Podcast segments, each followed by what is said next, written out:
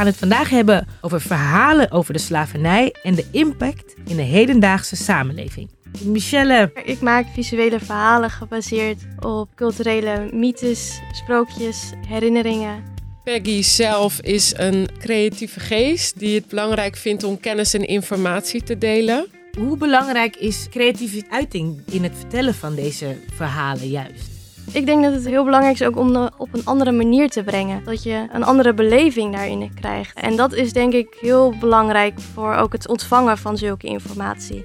Ja, dat is gewoon heel belangrijk. Wat wij in het hele proces ook continu hebben gedaan, is ook ervoor te zorgen en te waarborgen dat die perspectieven, hoe verschillend die ook zijn, dat dat ook behouden blijft. En Mhm. ook juist jouw eigen kijk. Want waarom kijk je zo?